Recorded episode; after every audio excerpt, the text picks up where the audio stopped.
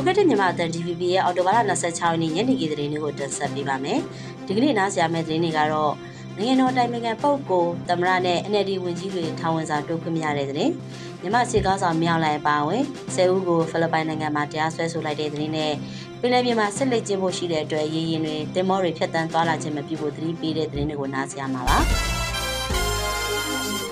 နိုင်ငံတော်တိုင်ပင်ခံပုဂ္ဂိုလ်တော်ဆန်းစုကြည်တမရဦးဝင်းမြင့် NLD အစိုးရဝန်ကြီးတွေနဲ့ဒေသချမှတ်ခံရသူတွေကိုစစ်ကောင်စီကထောင်ဝင်စာတွဲခွင့်မပေးဘူးလို့နိုင်ငံရေးအကျဉ်းသားအတိုင်းဝန်ကနေသိရပါဗျ။ COVID-19 ကပ်ရောဂါစတင်ဖြစ်ပွားချိန်ကလေးကပိတ်ပင်ထားတဲ့ထောင်ဝင်စာလူတွေ့ခွင့်တွေကိုအော်တိုဘာလ24ရက်နေ့ကစပြီးမြန်မာတနိုင်ငံလုံးကထောင်အများစုမှာပြန်လည်တွေ့ခွင့်ပေးလိုက်ပြီးမြဲအကျဉ်းချခံရတဲ့နိုင်ငံကောင်းဆောင်တွေနဲ့ NLD ဝန်ကြီးတွေကိုရောစစ်တပ်ကအရာရှိဟောင်းတွေကိုပါထောင်ဝင်စာတွေ့ခွင့်မပြုဘူးလို့ဆိုပါတယ်။မြန်မာနိုင်ငံကအကျဉ်းထောင်တွေမှာထောင်ဝင်စာတွေ့ခွင့်တွေပြန်လည်ခွင့်ပြုလိုက်ပြီးမြဲကိုဗစ်ကာကွယ်ဆေးနှစ်ခါထိုးထားရတဲ့လက်မှတ်တွေတပတ်တွေလောက်ထားတဲ့ရဲစခန်းနဲ့ရဝတာထောက်ခံစာတွေယူလာရမယ်လို့စီကံသတ်မှတ်ထားတာကြောင့်ထောင်ဝင်စာလာတွေ့တဲ့မိသားစုဝင်တွေအခက်အခဲရှိနေကြပါတယ်။ဒေသတချို့မှာကိုဗစ်ကာကွယ်ဆေးလက်မှတ်တစ်စောင်ကိုကျပ်9000အထိဈေးဖြစ်သွားခဲ့တာမိသားစုအိမ်တော်စုဆရာမှာပါဝင်သူတွေပဲခွင့်ပြုတာကြောင့်မိသားစုလိုက်ထွက်ပြေးနေရသူတွေအတွက်အခက်အခဲတွေဖြစ်နေတယ်လို့နိုင်ငံရေးအကျဉ်းသားဟောင်းတွေကပြောပါတယ်။ ချင်းပြည်နယ်ထန်တလန်မြို့ကချင်းတိုင်းသား9ဦးကစစ်ကောင်ဆောင်မင်းအောင်လှိုင်ပါဝင်10ဦးကိုဖိလစ်ပိုင်နိုင်ငံမနီလာမြို့က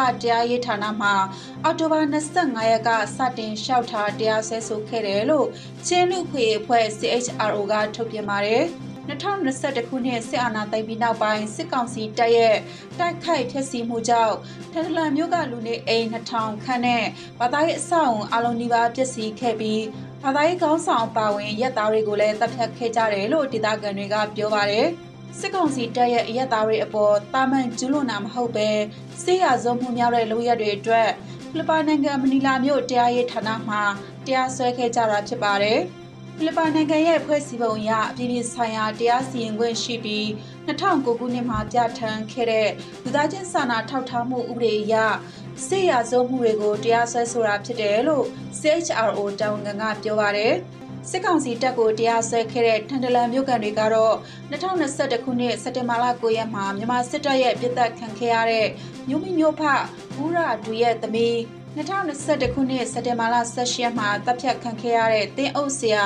ကျုံပြက်ဟုံရဲ့ဦးလေးနဲ့နေအိမ်တွေမိရွှေ့ပျက်စီးခံခဲ့ရတဲ့ထန်တလန်မြို့ကန်2ဦးပါဝင်ပါတယ်ရှင်။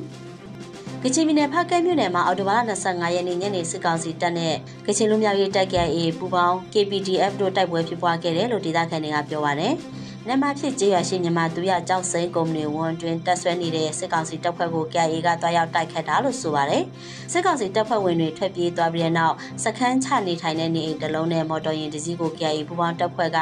မိရှို့ဖျက်ဆီးခဲ့တယ်လို့ဒေသခံတွေကပြောပါတယ်။ရှမ်းပြည်မြောက်ပိုင်းကိုလုံမြို့နယ်နဲ့လာရှိုမြို့နယ်မှာလည်းစစ်ကောင်စီနဲ့ကိုကန့် MNDAA တို့မနေ့ကတိုက်ပွဲဖြစ်ပွားခဲ့တယ်လို့ကိုကန့်သတင်းဌာနကထုတ်ပြန်ပါတယ်။ တိုက်ပွဲမှာစစ်ကောင်စီဘက်ကထိခိုက်ဒဏ်ရာအကြဆုံးအနည်းဆုံး၈ဦးရှိပြီးဒုံးနစီကားနစီဖြစ်စီနိုင်ခဲ့ကကြီးပေါက်၃ခုနဲ့ဒီတော့60သိန်းစီရမိခဲ့တယ်လို့ဖော်ပြပါဗျ။လာမယ့်နိုဝင်ဘာလစံပိုင်းကပ်ပလီပင်လယ်ပြင်မှာ၃ရက်ကြာရေချောင်းလုံခြုံရေးလက်တွေ့ပစ်ခတ်စစ်ရေးလေ့ကျင့်တာတွေလုပ်ဖို့ရှိတဲ့အတွက်ဖြတ်တန်းသွားလာတာတွေမလုပ်ကြဖို့စစ်ကောင်စီကတတိပေးထားပါတယ်။ရေချောင်းလုံခြုံရေးပင်လယ်ပြင်လေ့ကျင့်ခန်းကိုနိုဝင်ဘာလ9ရက်ကနေ9ရက်အထိကာလအတွင်းကပ်ပလီပင်လယ်ပြင်မြောက်ပိုင်းရေပြင်မှာ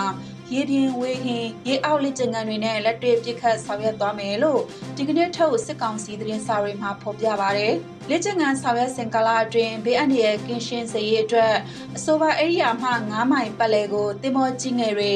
ကုန်တင်ဆက်လှေတွေငါးဖမ်းသင်္ဘောတွေစက်တက်တမန်တွေဖြတ်တန်းသွားလာကြောက်ချရက်နာတာ ငါးဖက်နာတွေမလုပ်ကြဖို့တားမြစ်ထားပါတယ်။ဒါ့အပြင်လေရင်ရဟတ်ရင်တွေအမြင့်ပေ15000အောက်ဖြတ်ကျော်ပြန်တန်းတာတွေမလုပ်ကြဖို့လည်းအသိပေးကြေညာထားပါတယ်ရှင်။ဗီယက်နမ်နိုင်ငံဟိုချီမင်းမြို့မှာအော်တိုဘာလ25ရက်နေ့ညနေပိုင်းမှာကျင်းပခဲ့တဲ့ Miss Grand International 2023ရဲ့ Grand Final ပွဲမှာမြန်မာကိုစားပြုလာမယ်နီနီလေးအိမ်ဟာ First Runner Up ဆု Popular Vote ဆုနဲ့ Country Power ဆုရရှိခဲ့ပါတယ်။ Country Power of the Year ဆိုအတွက်မြန်မာနဲ့ဗီယက်နမ်တို့ကအလှမယ်တွေကို Instagram မှာမဲအများဆုံးစနစ်နဲ့ရွေးချယ်ခဲ့တာဖြစ်ပါတယ်။မြန်မာအလှမယ်နီနီလေးအိမ်ဟာမဲပေါင်း2တန်း3သိန်းကျော်ဗီယက်နမ်အလှမယ်ကမဲပေါင်း2တန်း3သိန်းကျော်နဲ့သာရရှိခဲ့တာကြောင့်မြန်မာအလှမယ်ကဆုရရှိခဲ့တာဖြစ်ပါတယ်။တမဲကိုတော်တော်လာပေးချေတဲ့ Popular Vote ဆုမှာမြန်မာအင်ဒိုနီးရှားဗီယက်နမ်ထိုင်းပါရဂွေးတို့ကနိုင်ငံတကာအလှမယ်9ဦးအထိပါဝင်ခဲ့ပြီးမြန်မာအလှမယ်နီနီလေးအိမ်က34ရာခိုင်နှုန်းအထိရရှိခဲ့တာကြောင့်